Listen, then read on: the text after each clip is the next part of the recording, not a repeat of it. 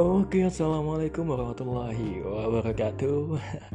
Selamat datang kembali di Piokes. Nah, Piokes itu seperti yang saya katakan sebelumnya, Piokes itu adalah sebuah podcast yang mana kita bisa sharing, kita bisa apa ya saling berbicara gitu tukar pikiran terus pun untuk Piokes ah, Piokes ini adalah media bagi saya untuk berbicara sendiri berbicara apa pun yang ada di unek-unek saya. Jadi ini adalah media yang cukup menarik bagi saya untuk ngomong, untuk berbicara dan untuk apa pun gitu.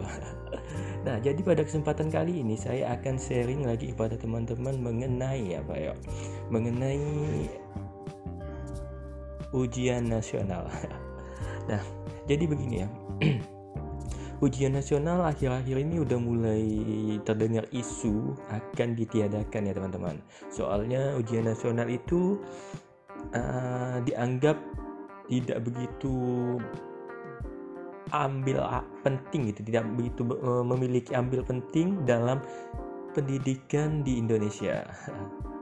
Nah, hal ini juga dikarenakan pergantian menteri pendidikan ya teman-teman. Jadi sekarang kan Pak Nadim nih Pak Nadim itu Pak Nadim Makarim itu mantan CEO Gojek ataupun founder dari Gojek.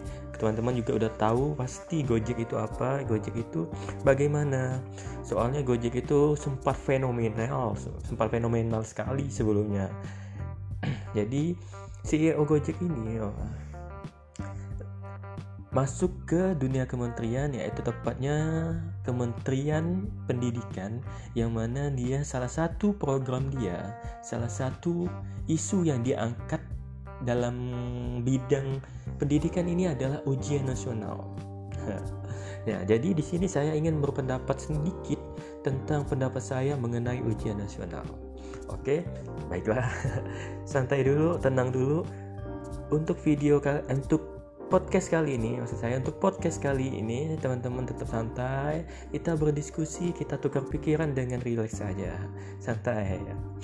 Jadi begini saya adalah salah satu orang yang setuju dengan ujian nasional dihapuskan.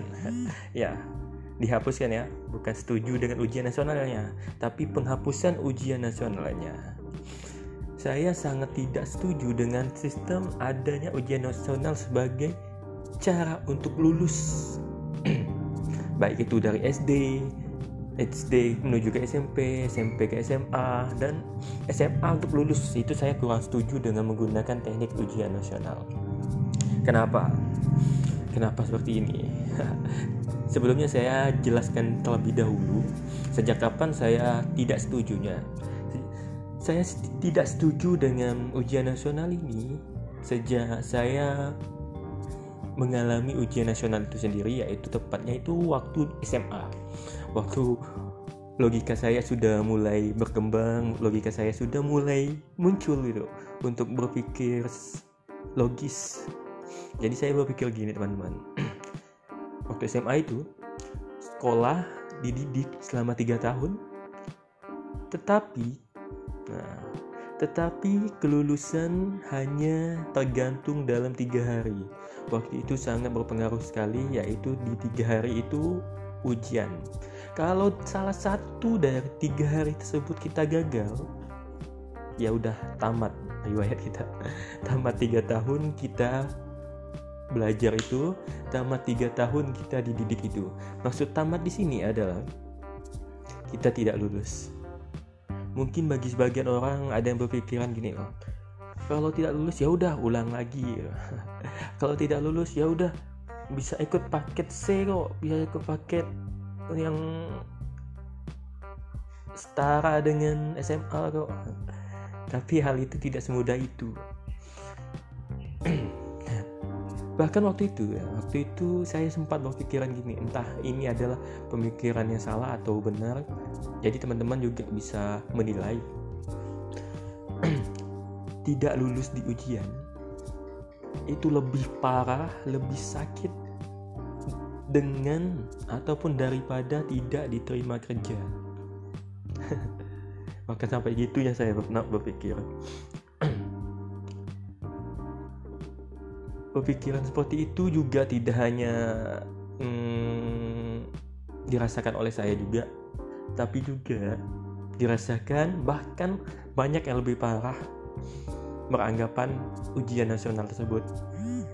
Banyak juga nih banyak juga yang sempat depresi karena tidak lulus ujian. Bahkan yang lebih parahnya adalah ada yang sampai melakukan bunuh diri. Ya gimana ya? Kalau misalnya kita berbicara tentang usia segitu usia kalau misalnya SMA itu usia 17 tahun. Kalau SMP itu sekitar usia 14 tahunan.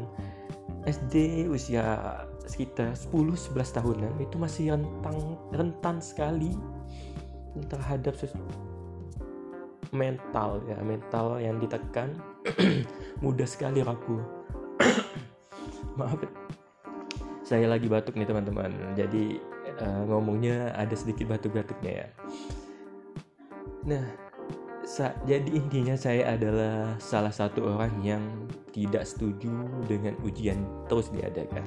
Nah, dikarenakan Pak Nadim ini juga memiliki pola pikir yang sependapat saya. Sebenarnya saya lihat-lihat lagi nih, saya banyak setuju gitu.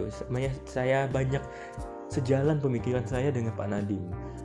Beliau juga ada yang menyatakan seperti ini ya teman-teman pidato beliau kemarin sempat viral di Hari Pendidikan yang menyatakan bahwa guru itu memiliki kebebasan dalam mendidik itu. Tapi intinya seperti itu sih. Tapi beliau itu pengennya anak-anak itu lebih sering dilakukan kegiatan seperti sosial. Nah, jadi ketika mendidik anak-anak bisa sambil di luar itu kegiatan-kegiatan ini lebih sering dilakukan sehingga memunculkan kreativitas di situ. Jadi misalnya teman-teman ataupun murid-murid sedang sedang apa ya, bukan maksudnya apabila ada murid-murid yang memiliki bakat di public speaking, nah bisa ditaruh di mana gitu ya. Kalau misalnya teman-teman ataupun murid-murid memiliki kelebihan di jualan, nah bisa ditaruh di bidang mana gitu nah seperti itu teman-teman jadi kalau bagi saya sendiri saya setuju dengan program akan penghapusan ujian nasional ini karena benar-benar tidak memiliki tidak terlalu berpengaruh terhadap pendidikan itu teman-teman karena tidak terlalu masih apa ya masih masih masih sangat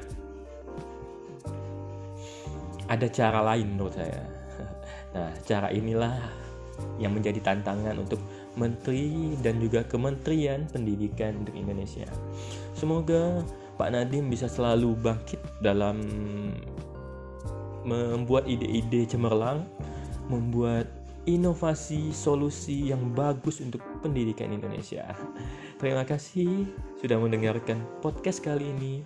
Saya Muhammad Tusa Putra mengakhiri podcast kali ini. Wabillahi taufiq walidayah. Wassalamualaikum warahmatullahi wabarakatuh.